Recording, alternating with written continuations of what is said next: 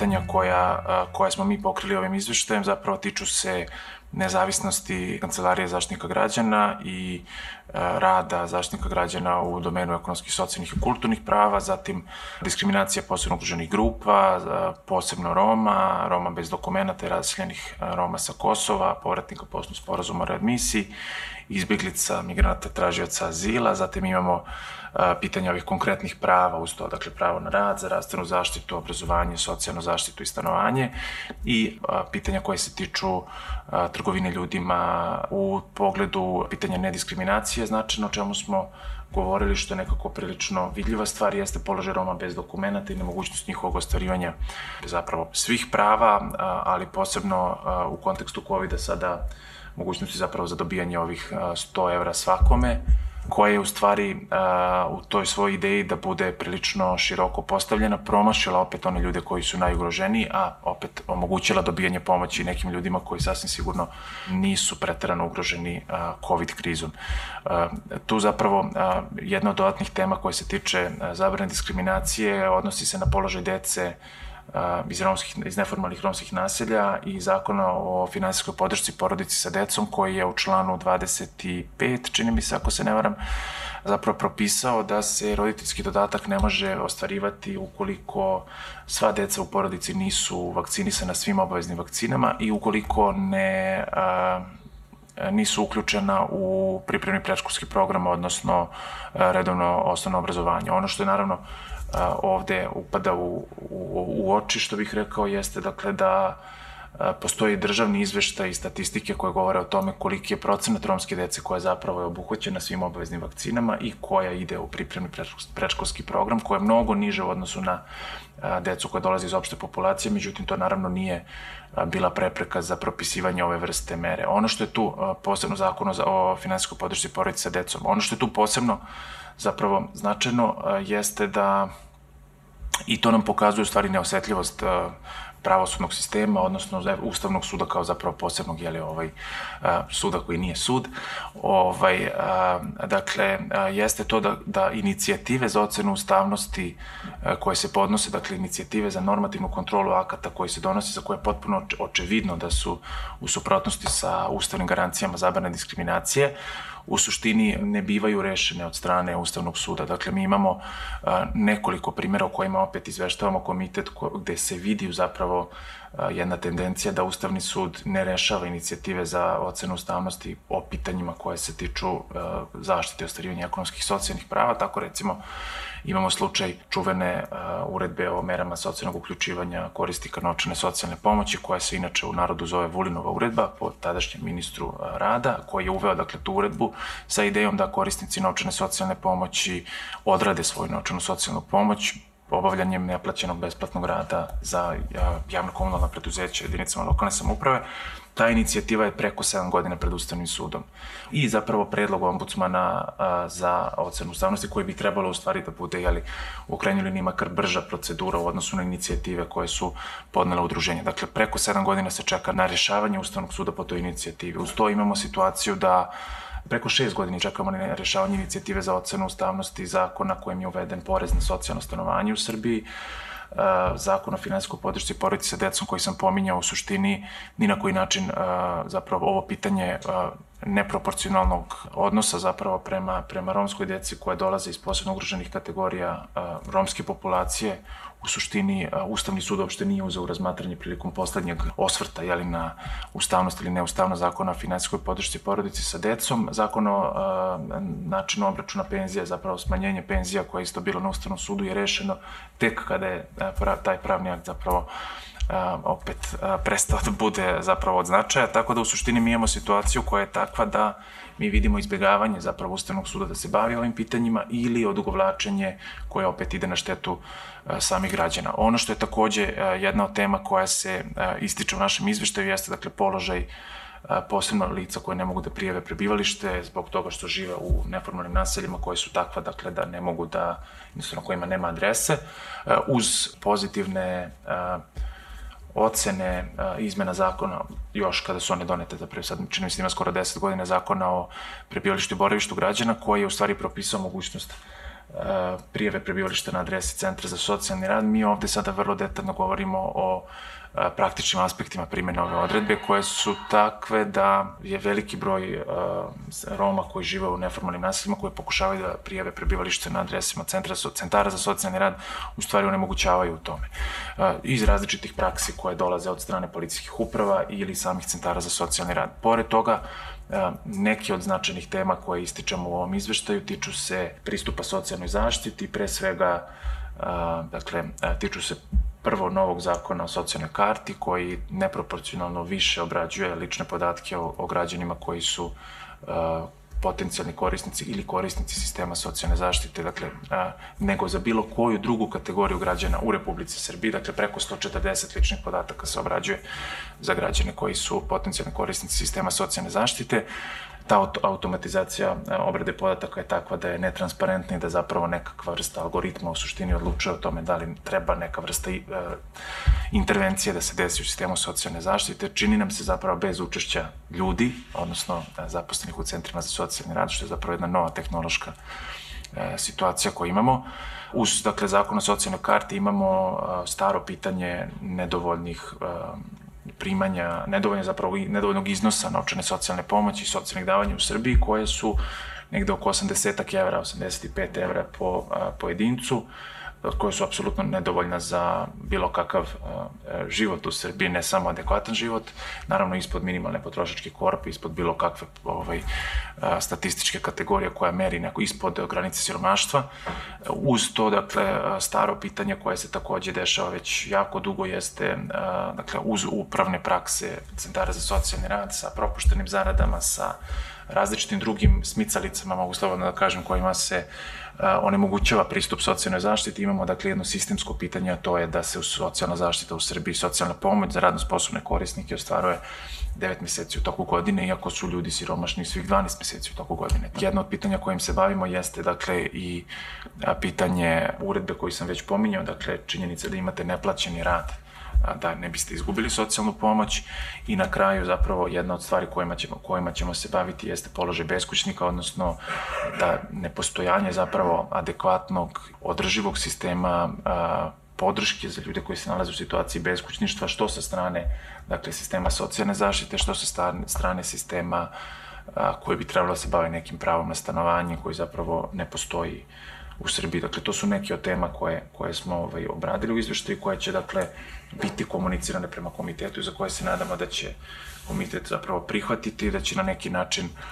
a, dati jasne preporuke državi šta da radi u toj oblasti. Kada govorimo o, o samoj situaciji beskućništva u Srbiji, zapravo e, ću se okrenuti e, jednom malom istraživanju koji je Beogradski centar za ljudska prava sproveo i prošle i ove godine, zapravo u procesu pripreme e, ne samo izveštavanja za platformu, već i pripreme izveštaja o stanju ljudskih prava u Srbiji,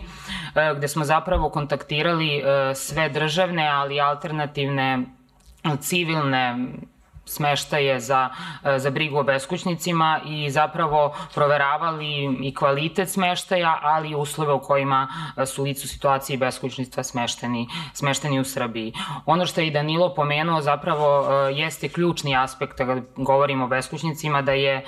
njihova trenutna situacija takva da država zapravo ne da ne upravlja problemom, zapravo ne teži da ga iskoreni, već samo sa nekim blagim preventivnim merama zapravo odgovara odgovara na, odgovara na ovaj društveni problem. Ono što jeste problem u praksi jeste da zapravo ni ne postoji prava statistika broja lica u situaciji beskućništva u Srbiji. Ono što posjedujemo kao podatak jeste da otprilike u Srbiji e, 450 beskućnika postoji zvanično, a 17.000 jeste sekundarni. Zapravo prva brojka jesu primarni beskućnici. To zapravo nije prava brojka i pretpostavlja se da će naredni popis koji je nažalost odložen za 2022. odnosno za oktobar možda napraviti neki pravi presek pravog stanja. E, prema podacima e, civilnog sektora, odnosno nevladnih organizacija koje se zapravo i brave ovom temom, imamo podatak da od 5 do 15 hiljada lica primarnih i sekundarnih beskućnika zapravo e, u Srbiji boravi. Ovo jesu podaci Crvenog krsta i e,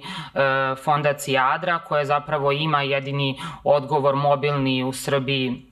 kada je situacija beskućništva u pitanju, to je u stvari mobilni autobus koji se kreće na različitim lokacijama u Beogradu i koji pruža osnovne zdravstvene, psihološke usluge licima na teritoriji grada Beograda. Ono sa čime se beskućnici svakodnevno suočavaju kada su u pitanju pristup ekonomski, socijalnim i kulturnim pravima, e, svakako jesu pristup na obrazovanje, zdravstvena zaštita, e, socijalna pomoć e, i njihova pravna nevidljivost, odnosno nedostatak dokumenta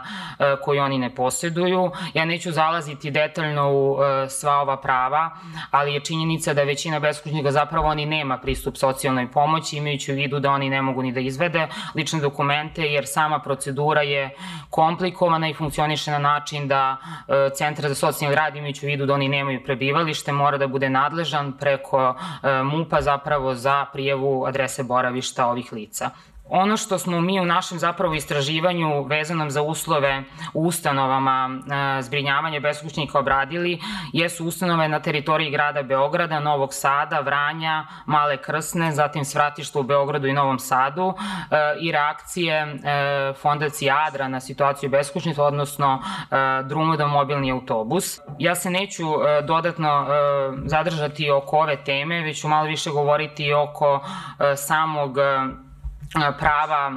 izbeglica, migranata i tražioca azila kada govorimo o kontekstu ekonomskih i socijalnih i kulturnih prava. Kada govorimo o pravu na zdravlje izbeglica i tražioca azila, pre svega ću se okrenuti jednoj jako e, važnoj stvari koja u praksi zapravo i ne funkcioniša, to jeste zdravstvena zaštita lica koja se nalaze na privatnoj adresi. E, problem je u tome što zapravo Ministarstvo zdravlja nije službenim putem uputilo primarnim ali i sekundarnim zdravstvenim ustanovima informacije da izbeglica izbeglici i tražioci azila prema zakonu o azilu i privremenoj zaštiti zapravo imaju prava na zdravstvenu zaštitu. Često su uh, sami odlasti kod lekara prepušteni uh, civilnom sektoru uh, i lica u ovim situacijama jako često ostaju bez zdravstvene zaštite. Takođe je jako teško nabaviti zdravstvenu knjižicu čak i ako je lice u stalnom radnom odnosu. Kada govorimo o pravo na stanovanje tražioca azila i izbeglica, zapravo ovo jesu najugroženije kategorije stanovništva, a oni kao takvi nisu baš prepoznati od sistema i ono što jeste najvažnije zapravo da je neophodno premeniti uredbu koja reguliše samo smeštanje izbjeglica i tražioca azila i da se uredba treba promeniti u odnosu na broj članova. To znači da trenutno ona funkcioniše tako da je e, samo pravo, odnosno pomoć na stanovanje oblikovana tako da se dobije samo jedan e, vid pomoći, ne zavisno od toga koliko je, e, koliko je lica u tom, e, toj porodici. Ono što je takođe jako,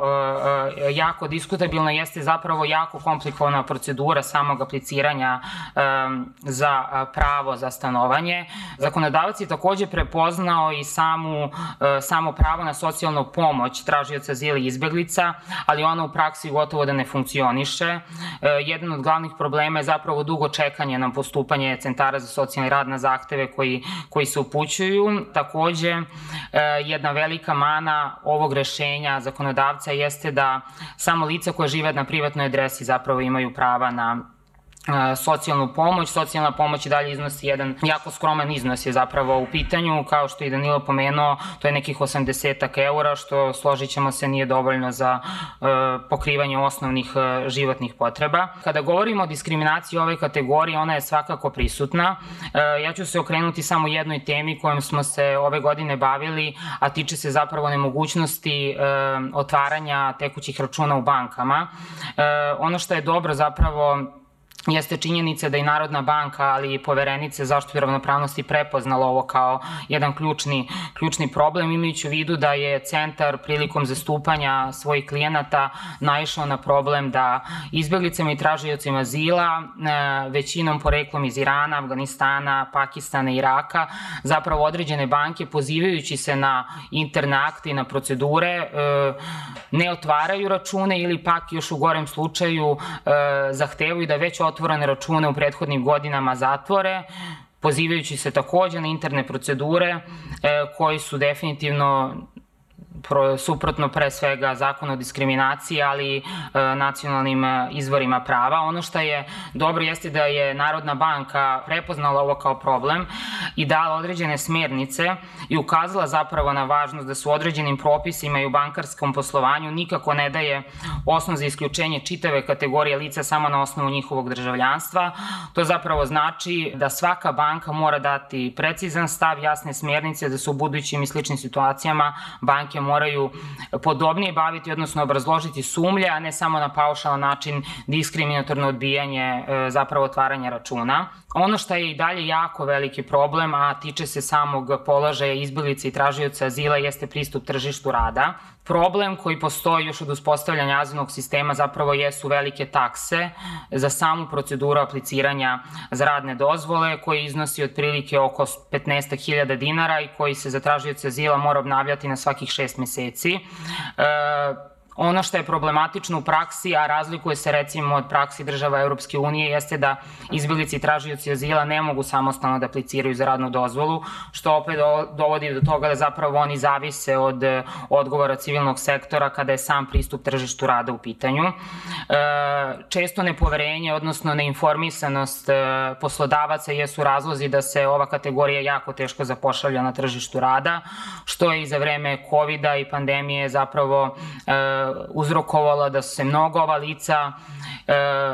okreću jedinim izvorima, odnosno socijalnoj pomoći, kao izvorima prihoda ili pomoći nevladinog i međunarodnog sektora. Neka trenutna statistika jeste da otprilike oko 175 izbjeglica jeste uključeno u obrazovni sistem. Ovo jeste statistika e, UNHCR-a. Otprilike 20 mladih izbjeglica pohađa srednje škole u Srbiji, 140 osnovne, e, osnovnu i 4 e, studenta je zapravo upisalo fakultet ove godine. Ono što je zapravo jako važno, a tiče se i samog pristupa ekonomskim i socijalnim pravima e, izbjeglice i tražioca azila, ali ovde u kontekstu e, izbjeglice ću govoriti, jeste zapravo nemogućnost naturalizacije izbjeglica koja postoji kao problem još od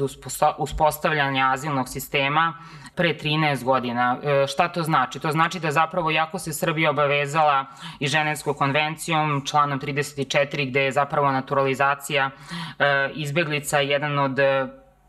puteva ka potpunoj integraciji izbeglica, ona izostaje. Izostaje iz razloga što se prosto u trenutnom zakonodavnom sistemu Srbije nije došlo do usaglašavanja zakona o strancima i zakona o državljanstvu i zapravo ne postoji ni vrsta boravka koja bi regulisala put do zahteva za, za, zahteva za državljanstvo. Ovo je zapravo uzročnik brojnih problema, e, navršću samo jedan od ključnih jeste prosto m, izbeglice koje su u Srbiji već poslednjih deseta godina e, nemaju putnu ispravu i ne mogu da napuste e, Srbiju, zapravo ograničena im je sloboda kretanja. Ovo pravo se takođe nadovezuje i na nemogućnost dobijanja putne isprave, e, koje savršeno i jako dobro funkcioniše u državama Evropske unije, unije, gde zapravo prema zakonu o azilu i privremenoj zaštiti, kada govorimo u kontekstu Srbije, e, izbjeglica može na svoj lični zahtev e, da dobije srpsku putnu ispravu. E, još od uspostavljanja azilnog sistema 2008. Republika Srbija nije usvojila podzakonske akte na koje se zapravo obavezala i nacionalnim i međunarodnim izvorima prava i ovo pravo u praksi zapravo ni ne funkcioniše.